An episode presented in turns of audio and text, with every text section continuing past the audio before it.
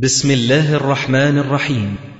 تسجيلات السلف الصالح للصوتيات والمرئيات والبرمجيات. تقدم هذا الإصدار لفضيلة الشيخ الدكتور محمد إسماعيل. الحمد لله الذي بنعمته تتم الصالحات. والصلاة والسلام على من ختم الله به النبوات وعلى آله وصحبه الذين كان ولاؤهم وتشيعهم بمحمد بن عبد الله رسول الله صلى الله عليه وآله وسلم وللحق الذي جاء به. وكانوا بنعمة الله إخوانا في جميع الأوقات. أما بعد نجتهد في الفراغ من مدرسة كتاب أصول مذهب الشيعة للدكتور القفاري. انتهينا إلى قضية حكم الشيعة. هل هم كفار أم مسلمون؟ وذكرنا كلام كثير من الأئمة الأقدمين في ذلك. وانتهينا إلى كلام الحافظ الكبير الإمام ابن كثير القرشي رحمه الله تعالى المشهور بأحسن تفسير على الإطلاق لا قبله ولا بعده وهو تفسير القرآن العظيم. ساق ابن كثير بعض الأحاديث الثابتة في السنة وهذا في كتابه البداية والنهاية والمتضمنة لنفي دعوى النص والوصية التي تدعيها الرافضة لعلي رضي الله عنه. ثم عقب عليها بقوله ولو كان الأمر كما زعموا لو كان فعلا في وصية من الرسول عليه السلام لعلي بالخلافة لو كان الأمر كما زعموا لما رد ذلك أحد من الصحابة. فإنهم كانوا أطوع لله ولرسوله صلى الله عليه وسلم في حياته وبعد وفاته. من أن يفتاتوا عليه فيقدموا غير من قدمه ويؤخروا من قدمه بنصه حاشا وكلا. ومن ظن بالصحابة رضوان الله عليهم ذلك فقد نسبهم بأجمعهم إلى الفجور والتواطؤ على معاندة الرسول صلى الله عليه وآله وسلم ومضادته في حكمه ونصه. ومن وصل من الناس إلى هذا المقام فقد خلع ربقة الإسلام وكفر بإجماع الأئمة الأعلام وكان إراقة دمه أحل من إراقة المدام يعني الخمر أو المدام. انتهى كلام الحافظ ابن كثير. ومن الثابت عن الرافضة كما مر أنها تدعي أن الرسول صلى الله عليه وسلم نص على علي وأن الصحابة ردوا النص وارتدوا بسبب ذلك وهذا ما يقوله المعاصرون وأسلافهم من الروافض. أما الإمام أبو حامد محمد المقدسي فقد قال بعدما تكلم عن فرق الشيعة وعقائدهم لا يخفى على كل ذي بصيرة وفهم من المسلمين أن أكثر ما قدمناه في الباب قبله من عقائد هذه الطائفة الرافضة على اختلاف أصنافها كفر صريح وعناد مع جهل قبيح لا يتوقف الواقف عليه من تكفيرهم والحكم عليهم بالمروق من دين الإسلام.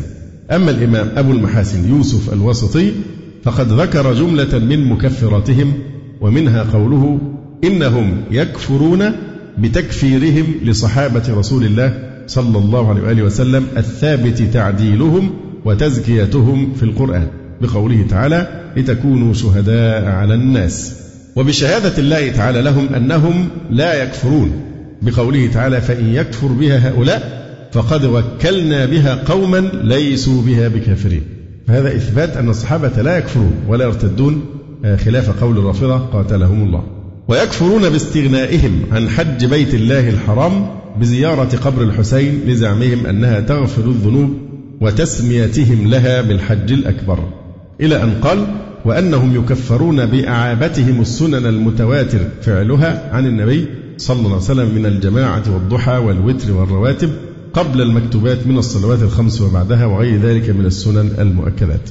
أما العلامة علي ابن سلطان ابن محمد القاري رحمه الله تعالى فقال وأما من سب أحدا من الصحابة فهو فاسق ومبتدع بالإجماع إلا إذا اعتقد أنه مباح كما عليه بعض الشيعة وأصحابهم أو يترتب عليه الثواب كما هو دأب كلامهم أو اعتقد كفر الصحابة وأهل السنة فإنه كافر بالإجماع آه، لأن تكفير الصحابة معناه أنه يكذب بقوله تعالى كنتم خير أمة أخرجت للناس لأن أمة تكفر كلها ويبقى على الإسلام منها ثلاثة أو خمسة هل هذه خير أمة؟ ما تكون خير أمة؟ هذا تكذيب بالقرآن الكريم. فالصحابة بعدما عدلهم الله لا يحتاجون لتعديل من أحد. ولذلك كانت القاعدة أن الصحابة رضي الله عنهم كلهم عدول. ثم ساق مجموعة من الأدلة من الكتاب والسنة تتضمن الثناء على الصحابة رضوان الله عليهم. واستنبط منها كفر الرافضة في مذهبها في الصحابة. ثم ذكر بأن من مكفرات الرافضة ما يدعونه في كتاب الله من نقص وتغيير. وعرض بعض أقوالهم في ذلك. أما شيخ الإسلام محمد ابن عبد الوهاب رحمه الله تعالى فقد حكم على جملة من عقائد الاثني عشرية بأنها كفر.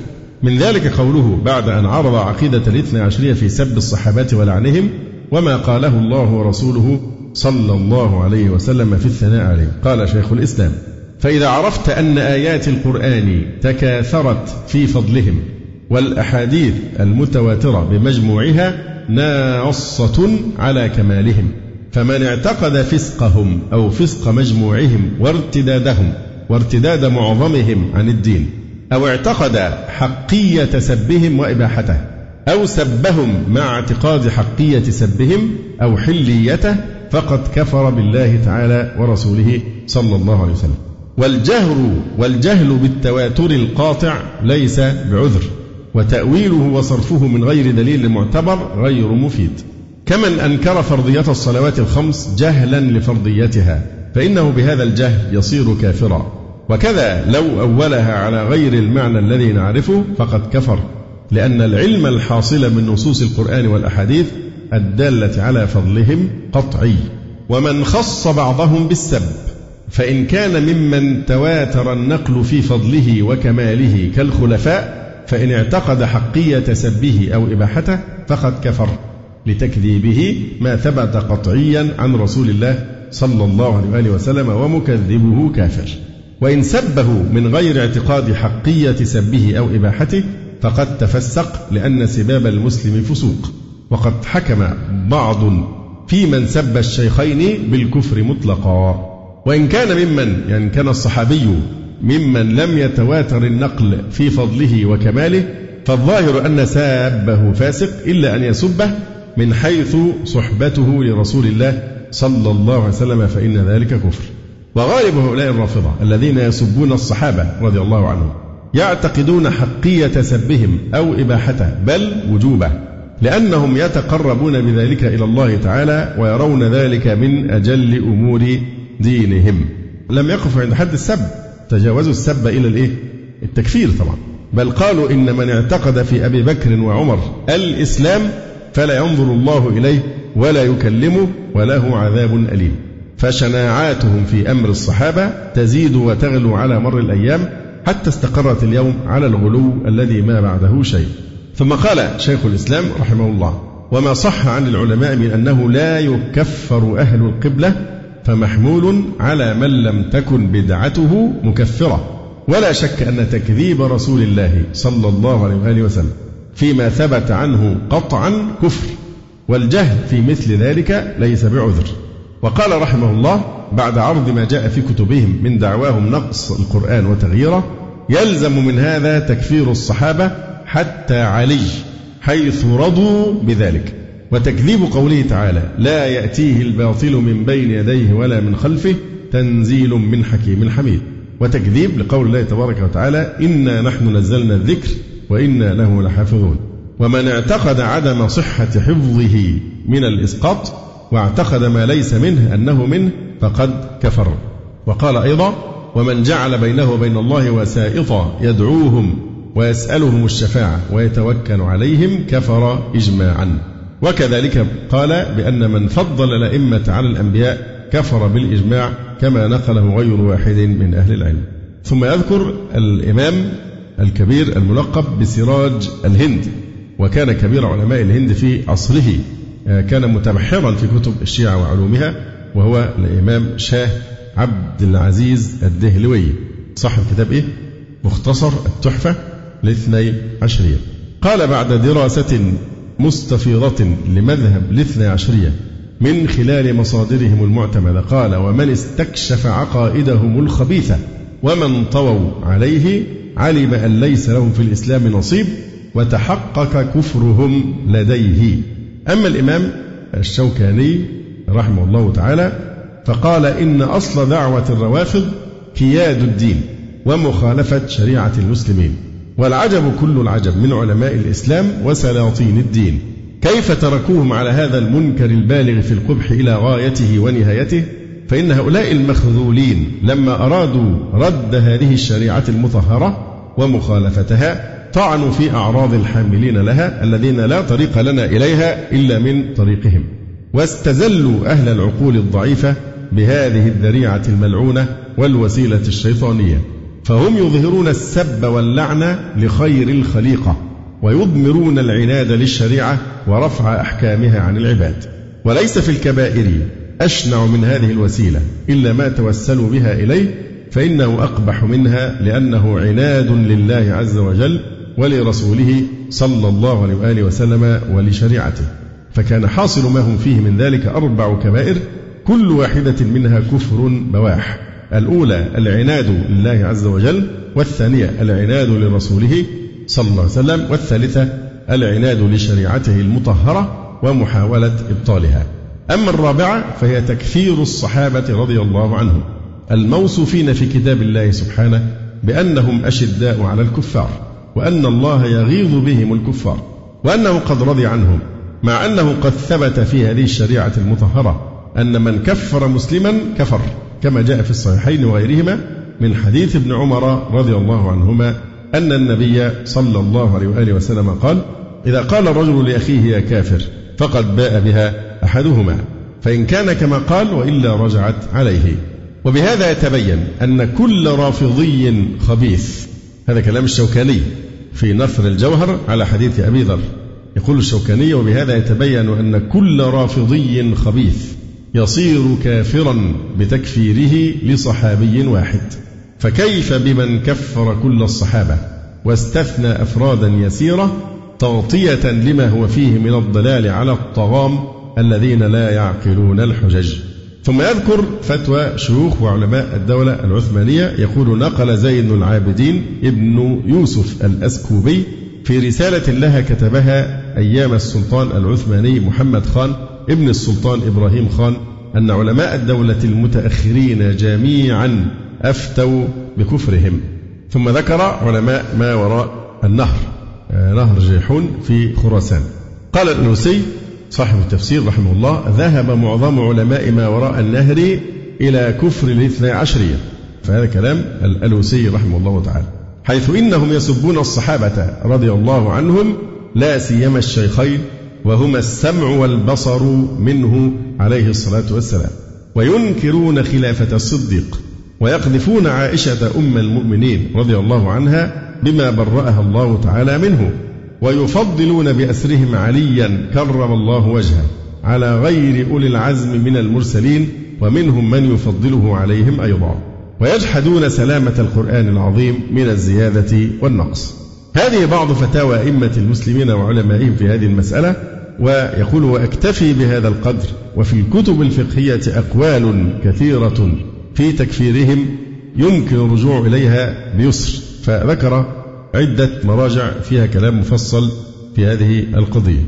ثم يعلق الدكتور القفاري حفظه الله فيقول يلاحظ هنا عدة أمور.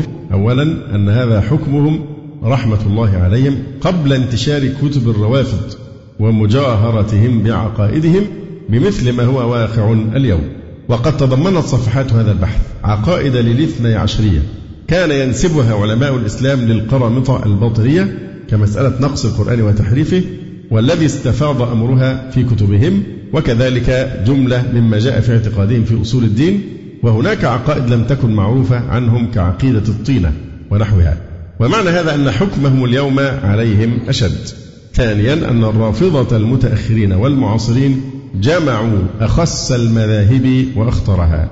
جمعوا مقالة القدرية في نفي القدر والجهمية في نفي الصفات وقولهم إن القرآن مخلوق والصوفية عند جملة من رؤساء مذهبهم في ضلالة الوحدة والاتحاد والسبئية في تأليه علي. لعله يقصد هنا الغلو في شأن علي رضي الله عنه. والخوارج والوعيدية في تكفير المسلمين والمرجئة في قولهم إن حب علي حسنة لا يضر معها سيئة بل ساروا في سبيل أهل الشرك في تعظيم القبور والطواف حولها بل ويصلون إليها مستدبرين القبلة. إلى غير ذلك مما هو عين مذهب المشركين. فهل يبقى بعد ذلك شك في أن هذه الطائفة ارتضت لنفسها مذهبا غير مذهب المسلمين؟ فهم وإن شهدوا الشهادتين. إلا أنهم نقضوها بنواقض كثيرة كما ترى. لكن مما يجب مراعاته حسب منهج أهل السنة في التكفير أن هذه الأقوال التي يقولونها والتي يعلم أنها مخالفة لما جاء به الرسول صلى الله عليه وسلم هي كفر. وكذلك أفعالهم التي هي من جنس أفعال الكفار بالمسلمين هي أيضا كفر.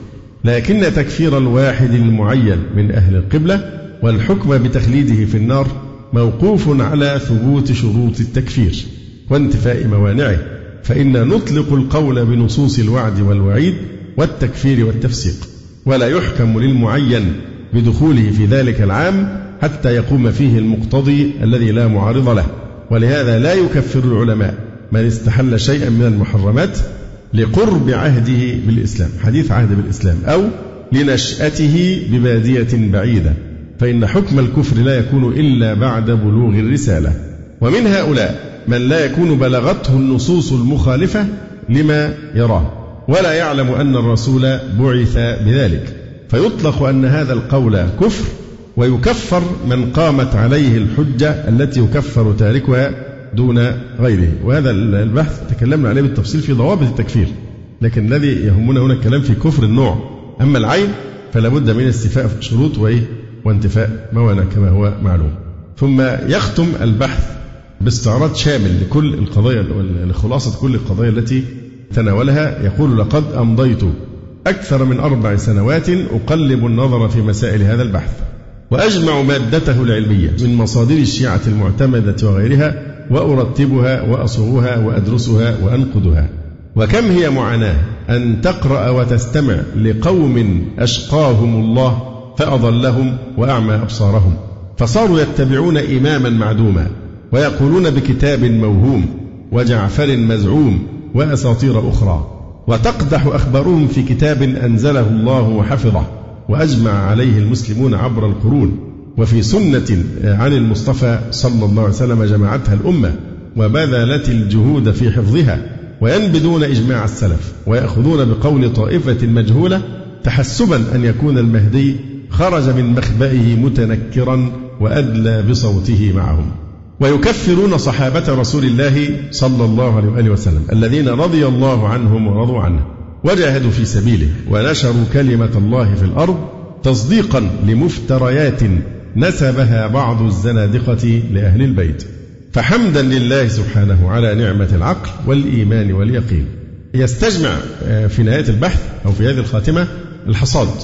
خلاصة البحث بصورة مركزة في نقاط آه، أولها يقول إن المعنى اللغوي للتشيع هو النصرة والمتابعة. وهذا المعنى لا يتوفر في مدعي التشيع اليوم ومن قبل اليوم في الغالب فهم الرافضة كما سماهم السلف أو المنتسبون للتشيع وليسوا شيعة على الحقيقة. ثانيا لفظ التشيع لم يرد في القرآن غالبا إلا على سبيل الذم ولم يأتي في السنة ذكر لهذه الفرقة على وجه التخصيص إلا في روايات ضعيفة جاء فيها ذكر الرافضة على سبيل الذم أيضا. ثالثا إن الشيعة أطوار وفرق ودرجات ما بين إغراق في الغلو واقتصاد فيه. ولذلك مش عارف هو لو هو اقتصاد ما يبقاش غلو. يعني يمكن العبارة دي عايزة تتضبط شوية.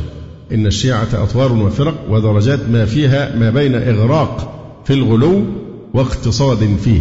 ولذا كان للغلو في التشيع مفهوم عند السلف عند سلفهم هم يعني. يختلف عمن بعدهم. بل تبين أن جملة من عقائد شيعة هذا العصر هي من الغلو في التشيع عند أسلافهم من شيعة القرن الرابع. فكيف بالشيعة الأولى؟ وتعريف الشيعة إذا مرتبط بأطوار نشأتهم ومراحل التطور العقدي عندهم. ولذا كان الشيعي فيما مضى هو من يقدم عليا على عثمان. ولكن بعد اعتماد شيوخ الشيعة كتب الكليني والقمي والمجلسي وأضرابهم مصادر في التلقي شاع الغلو في الشيعة. واستقر مركبها على التطرف والشطط حتى رأينا أكبر مراجعهم في هذا العصر الخوئي يوثق روايات إبراهيم القمي في تفسيره مع ما فيها من كفر. ويكفي أن يطلع كل متشكك في أمر الشيعة اليوم على هذا الكتاب الموثق عندهم ليرى أن الشيعة اليوم ارتضت لنفسها دينا غير الإسلام. رابعا إن المنتسبين للتشيع قد أخذوا من مذاهب الفرس والروم واليونان والنصارى واليهود وغيرهم أمورا مزجوها بالتشيع مصداقا لما أخبر به النبي صلى الله عليه وسلم من اتباع بعض هذه الأمة سنن من كان قبلهم. وقد بدأت محاولة إدخال بعض هذه الأصول إلى المجتمعات الإسلامية على يد ابن سبأ وأتباعه فلم يجد لها مكانا في أمصار المسلمين إلا عند فئة قليلة بالكوفة إلا أن ما جرى من أحداث على بعض أهل البيت كمقتل علي والحسين سهل لهم مهمة إشاعتها في العالم الإسلامي تحت ستار التشيع. خامسا افترقت الشيعة إلى فرق كثيرة حتى ذكر بعضهم أنها بلغت ثلاثمائة فرقة وقد انحصرت اليوم في ثلاثة اتجاهات الإسماعيلية والزيدية والاثنى عشرية وهي أكبرها وأكثرها عددا. يقول مشيرا إلى مسألة جديرة بالاهتمام والبحث وهي أنه ما من رأي وجد لفرقة شيعية ظهرت في التاريخ في مختلف مراحله إلا وتجد ما يشهد له في الغالب في مصادر الاثنى عشرية حتى آراء ابن سبأ والمختار بن أبي عبيد وبيان بن سمعان والمغيرة بن سعيد وغيرهم من رؤوس الولاة سادسا الاثنى عشرية تلقب بالرافضة والجعفرية والإمامية وكانوا يسمون بالقطعية والموسوية. وذهب جمع إلى أن مصطلح الشيعة إذا أطلق اليوم لا ينصرف إلا إليهم. وانبثق من الاثني عشرية فرق كثيرة كالشيخية والكشفية والبابية وغيرها. سابعا سار الشيعة للاستدلال على شذوذهم في كل اتجاه. فمرة يزعمون أن ما يدل على مذهبهم من آيات في القرآن قد حذفها الصحابة وتارة يلجؤون إلى تأويلات باطنية ما أنزل الله بها من سلطان. وحينا يزعمون نزول كتب إلهية على الأئمة للدلالة على مذهبهم. وأحيانا يتعلقون بروايات من طرق أهل السنة وهي إما كذب أو لا تدل على ما يزعمون. ولهم وسائل ماكرة في هذا الاتجاه لا تدري اليهود بعشرها. وهذا كله إنما يدل على عجز هذه الطائفة عن إثبات مذهبها بأصول شرعية. ثامنا الشيعة منذ آه، سنة آه، ستين ومائتين يعني من 1170 سنة. وهي لا تتبع إلا معدوما لا وجود له. فهم شيعة مشايخهم لا شيعة أهل البيت. أو هم أتباع الشياطين الذين يتشكلون لهم بصورة الإمام الغائب. كما استفاضت أحاديثهم بلقاء هذا المعدوم. ولقد اجتمع شمل فرق الشيعة بالقول بهذا المعدوم لأنه يخلصهم من آل البيت الذين كان منهم علماء وأتقياء بررة فضحوا أمر هؤلاء المرتزقة الذين يأكلون أموال الناس بالباطل باسم آل البيت. ويبتدعون في دين الله ما لم ينزل به سلطانا وينسبونه للآل. وبالتشيع لهذا المعدوم صارت السلطة والمال والوجاهة للشيوخ لا للآل تاسعا قالت الشيعة إن القرآن ليس بحجة إلا بقيم وهو أحد الأئمة الاثنى عشر حتى إنها قالت إن الإمام هو القرآن الناطق وكتاب الله هو القرآن الصامت. وزعمت أن علم القرآن كله عند هذا القيم لا يشركه فيه أحد فهو تفسيره بل هو القرآن نفسه. ولذا له حق تخصيص عام القرآن وتقييد مطلقه وبيان مجمله ونسخ ما شاء منه. بل قد فوض الإمام في أمر الدين كله. وزعمت طبعا كما ذكرنا من قبل الشيعة يزيدون ركنا سادسا للإسلام وهو قضية الإيه؟ الإمامة. وزعمت أن لكل آية معنى باطنيا ثم قالت لكل آية سبعة بطون ثم طاشت تقديرتهم فقالت إن لكل آية سبعين بطنا.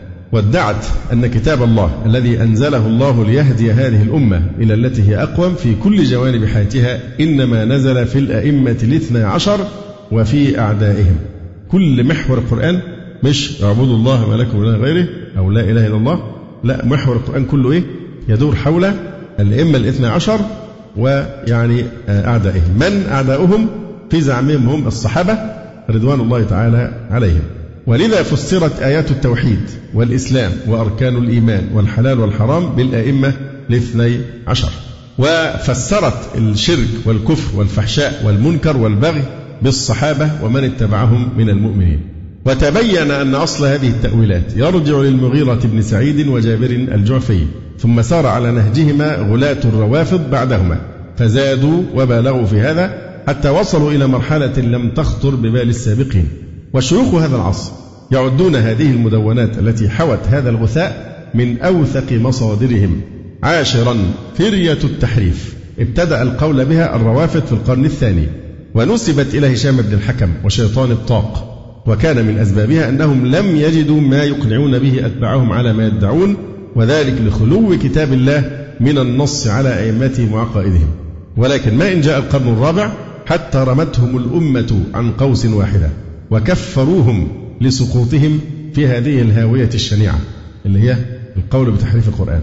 فأعلن كبيرهم ابن بابويه براءة الشيعة من هذه العقيدة وأن من نسب إليهم ذلك فهو كاذب وتبعه ابن المرتضى والطوسي ثم الطبرسي.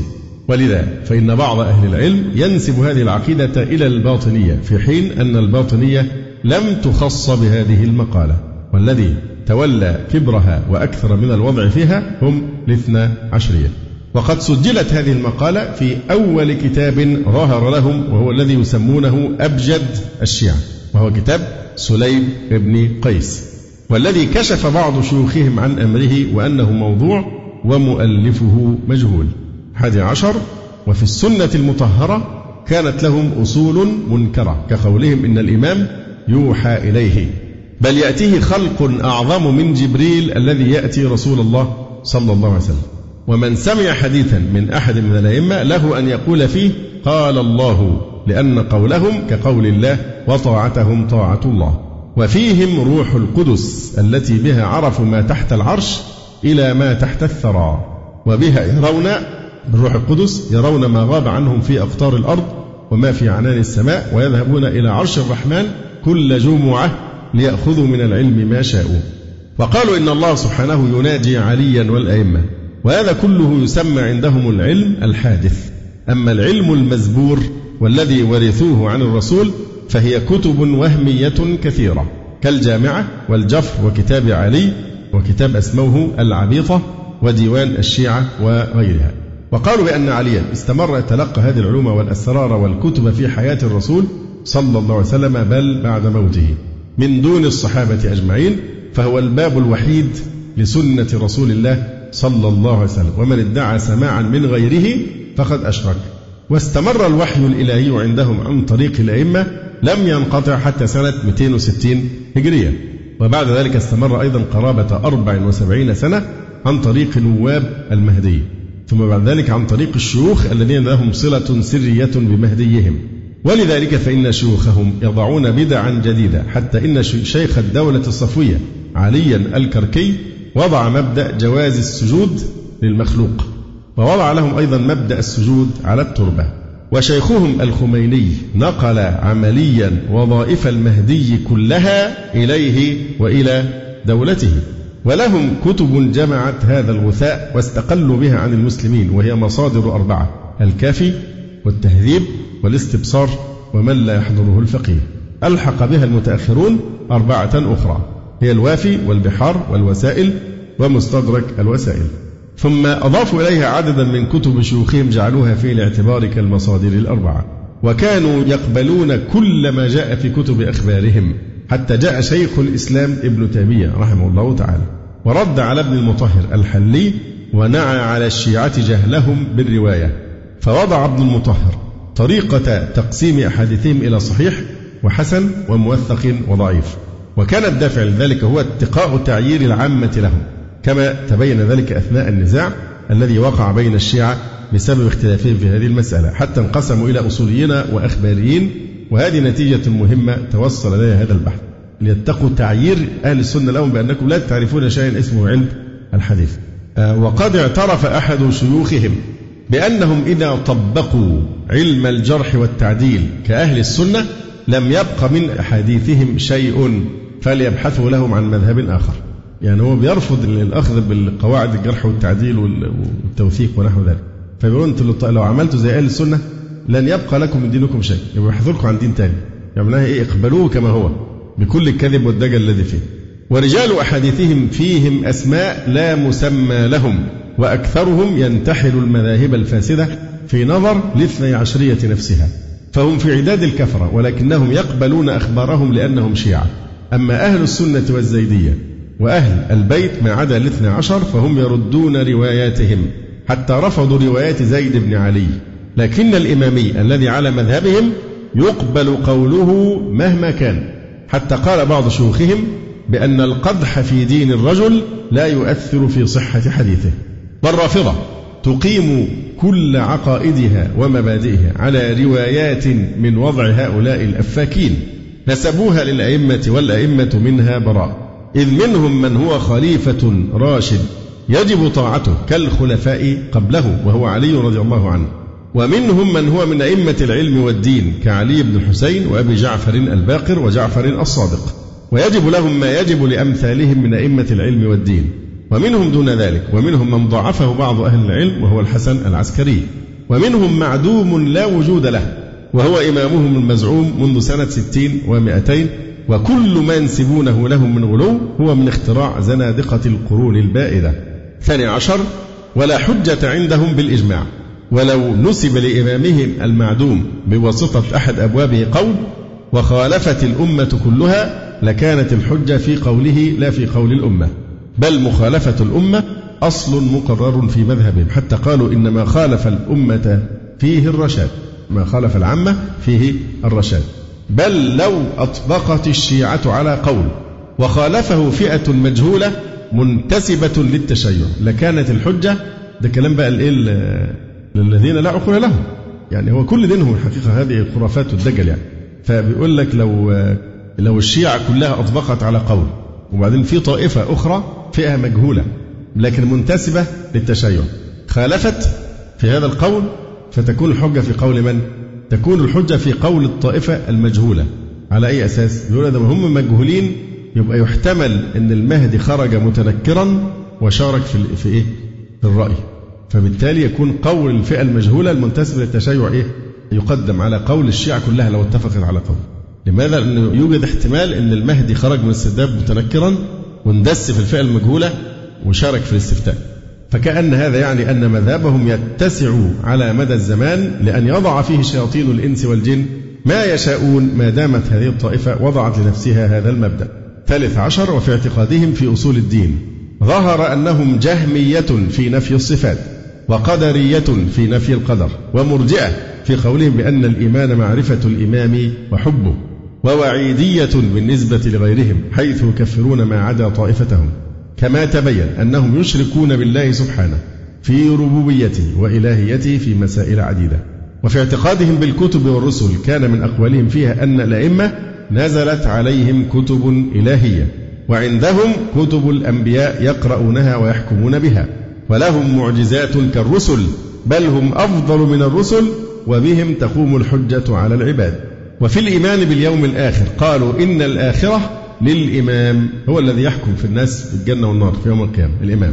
وأن الجنة مهر فاطمة وأن الأئمة يأكلون من الجنة في الدنيا وأن حساب الخلق إلى الأئمة يوم القيامة. وأن هناك جنة ونارا يصير إليها الأموات غير الجنة والنار التي يؤمن بها المسلمون. وأن لقم بابا إلى الجنة مدينة قم بابا إلى الجنة. وأهل قم لا يحشرون كسائر الناس.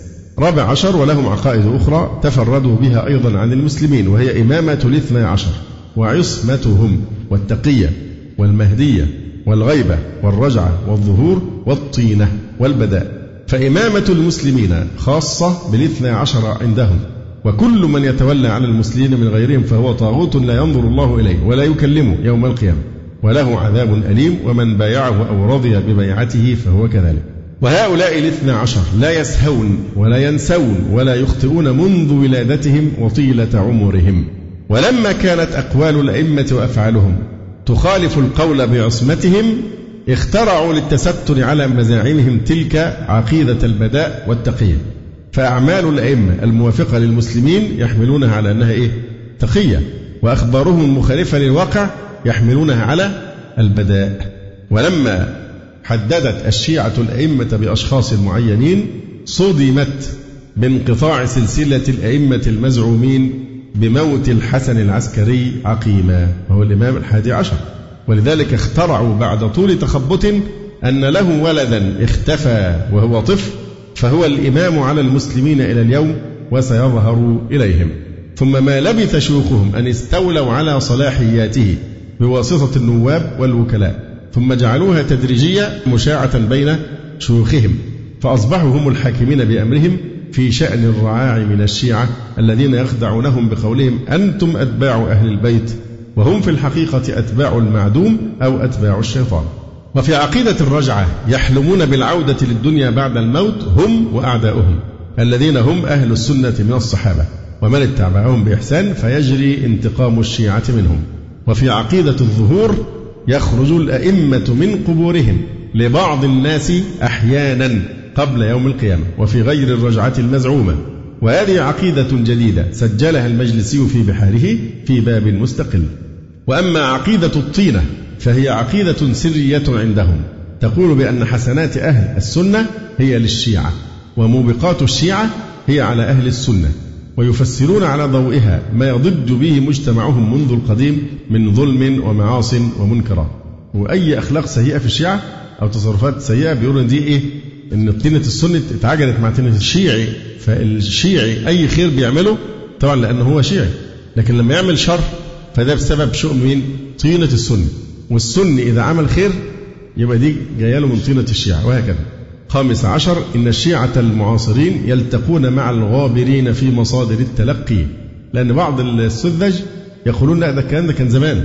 الكلام اللي بنقوله ده كله دي كلام قديم والشيعة دلوقتي ناس محترمين جدا وتابوا من هذا الكلام وتوقفوا عن الاعتماد على هذه المصادر. فأصبح كلاما تاريخيا. فيقول إن الشيعة المعاصرين يلتقون مع الغابرين في مصادر التلقي بل ويأخذون بما افتراه شيوخ الدولة الصفوية ووضعوه من مدونات مليئة بالكفر والإلحاد. وقد سهلت المطابع إشاعة هذه الظلمات بينهم فركبوا من الغلو مركبا صعبا. ولكنهم يخدعون أهل السنة. فيزعم بعضهم أنهم لا يسبون الصحابة ولا يقولون بالرجعة. وقد بينت صفحات هذه الرسالة حقيقة هذه الدعاوى. وقد زعموا أن التقية انتهى العمل بها مع أن نصوصهم تأمرهم بالعمل بها. إلى أن يخرج مهديهم وأقوالهم وأفعالهم تبين استمرار العمل بها. فقولهم هذا إنما هو تقية على التقية. ولعله لا يوجد طائفة على وجه الأرض جعلت الكذب دينا بل هو تسعة أعشار الدين كهذه الطائفة. سادس عشر وفي أثرهم في العالم الإسلامي.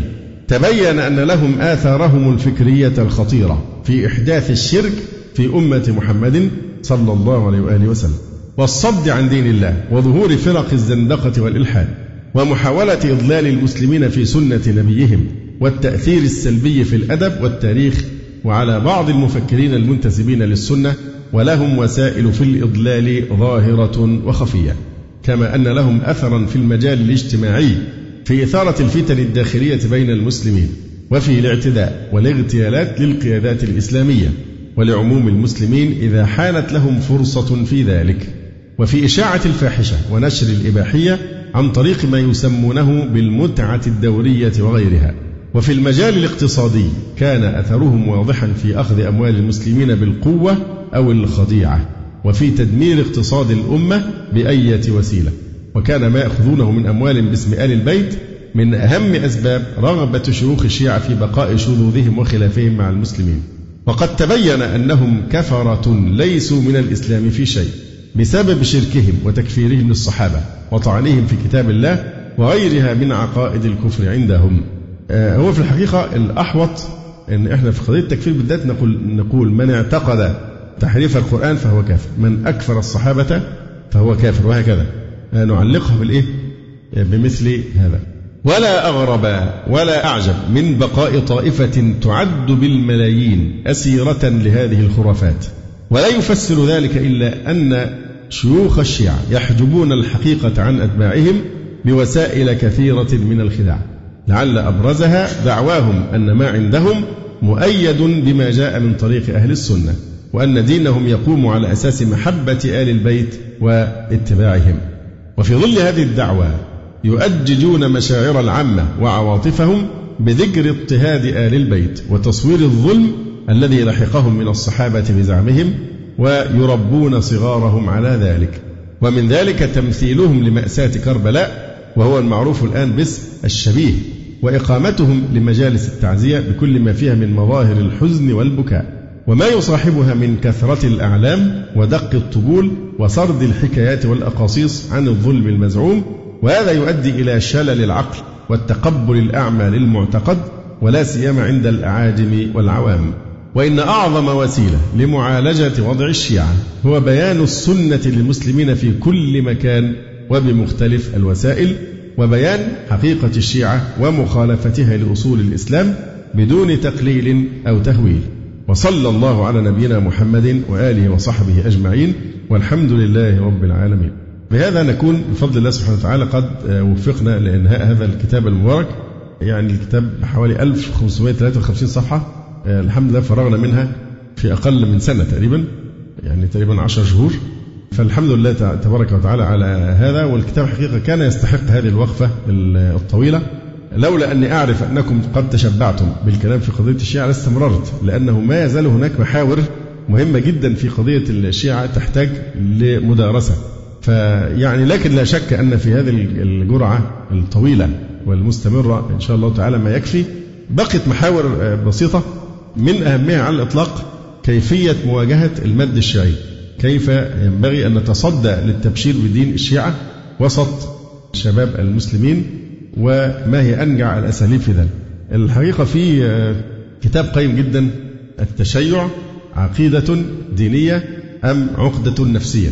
لطبيب عراقي يسمى الدكتور طه حامد الدليمي.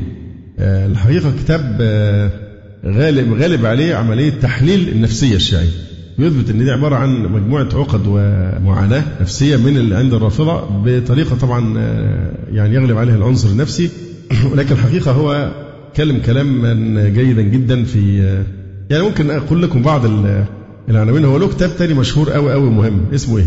يجب أن نلعن الظلام فاكرين؟ تكلمنا على هذا فهو بيرسي مبدأ إن موضوع الناس اللي بيقول لك تضيء شمعة وبدل أن تشتغل بلعن الظلام هذا بيقول لا هنا في القضية دي بالذات يجب أن نلعن الظلام بمعنى يجب أن إيه؟ نكشف للناس حقيقة هذا يعني الدين. جايب بقى العقد الموجودة في الشخصية الفارسية عقدة النقص وعقدة الحقد وعقدة الثأر والانتقام وعقدة العدوانية أو الاعتداء عقدة الاضطهاد عقدة التخريب عقدة التعصب عقدة السيد ودي بالذات يعني أعطاها حقها الحقيقة شوية لأن هو عندهم مشكلة النعرة الفارسية المجوسية متاصله فيهم جدا. حتى في اخ الحقيقة جايب لي مصر اليوم عاد السبت النهارده. غضب إيراني من مشعل بعد استخدامه الخليج العربي بدلا من الفارسي. يعني يقول لك كشفت مصادر إيرانية عن غضب شديد في الأوساط الرسمية والشعبية من خالد مشعل رئيس المكتب السياسي لحركة حماس. وذلك بعد أن قال في آخر خطابته في القاهرة غلط بقى واستعمل كلمة الخليج العربي بدل الخليج الفارسي. لا تغتفر خطأ. لا يغتفر قالوا ذلك. يقول وفيما أكد كاتب إيراني بارز أن لجنة الأمن القومي والسياسة الخارجية في البرلمان ناقشت الأمر واعتبر خطأ مشعل. لا يغتفر مطالبة باعتذاره. رفضت قيادات في حماس الخوض في الموضوع إلى أن مصدر مقرب من حماس قال للعربية نت إن الحركة تأمل ألا تتحول تسمية الخليج إلى خلاف عربي إيراني. يعني المقالة بتدور حول هذا بس عشان كلمة الخليج أي إنسان بيحب العرب لأن النبي عربي؟ وأي محب للإسلام بيحب اللغة العربية حتى يقترب من القرآن ومن السنة ومن العلم الشريف. أما هم فيعتزون جدا باللغة الفارسية على حساب اللغة العربية طبعا. وده نموذج يسير جدا إن بس عشان إيه غلط واستعمل كلمة الخليج العربي بدل الخليج الفارسي. طب سموه الخليج الإسلامي. لا لازم الفارسي. فعمليه العقدة السيد والنعره الفرس يعني موجودة فيهم يعني. عقدة الاستخذاء عقدة الشك عقدة الغدر عقدة الخداع والتضليل عقدة الكذب عقدة اللؤم ونكران الجميل عقدة التحلل عقدة الاستعراض عقدة الصفاقة عقدة الذنب تأليه الحاكم العقلية الخرافية. ثم جايب كل عقيدة من وطقوس في التشيع الفارسي وبيعمل لها تحليل نفسي. يعني عقيدة الإمامة والعصمة والمرجعية الدينية وتحريف القرآن والهدي المنتظر والرجعة وشفاعة البيت والغلو فيهم وسب الصحابة والتقية والسجود على التربة وزيارة المراقد والأضرحة يعني الخمس والنياحة تجميد التاريخ والشعوبية إلى آخره. ثم آه، ناقش الصلة النفسية بين الشيعة واليهود وده أقوى شيء في الكتاب الحقيقة اللي هي المنهج الأمثل في مواجهة خطر التشيع. وطبعا هو صاحب خبرة شديدة أنه يعيش في العراق وعاصر الفتن الرافضة هناك خاصة بعد الغزو الأمريكي. نرجو في يوم من الأيام إن شاء الله تعالى إذا تيسر أن نلخص هذا الفصل الأخير المتعلق بالمنهج الأمثل في مواجهة المد آه، التبشيري آه، الرافضي. لا ننسى طبعا قبل أن ننصرف أن ندعو الله سبحانه وتعالى للدكتور ناصر بن عبد الله بن علي القفاري الذي انتفعنا طبعا بجهده وصبره ودأبه وإخلاصه إن شاء الله في هذا البحث لأنه هو الذي صاحبنا طوال هذه الفترة. وأيضا يعني جزاكم الله خيرا على الصبر على هذه السلسلة أن إخوة حقيقة ما قصرتم في الحضور آه، مهما كانت الظروف يعني ثابرتم أنتم أيضا على هذا الأمر. ونكتفي بهذا القدر وأقول قولي هذا وأستغفر الله لي ولكم. سبحانك اللهم ربنا وبحمدك أشهد أن لا إله إلا أنت أستغفرك وأتوب إليك. جزى الله فضيلة الشيخ خير الجزاء. ونسأل الله جل وعلا أن يرفع مكانة الشيخ في المهديين وأن يجعله علما من أعلام الهدى والدين. ولا تنسونا وتنسوا الشيخ من دعوة صادقة بظهر الغيب. وتقبلوا تحيات إخوانكم في تسجيلات السلف الصالح بالإسكندرية. هاتف رقم صفر ثلاثة فاصل أربعة تسعة أربعة سبعة ستة خمسة اثنان. والتليفون محمول صفر عشرة واحد ستة أربعة واحد تسعة ثمانية صفر. والسلام عليكم ورحمة الله وبركاته.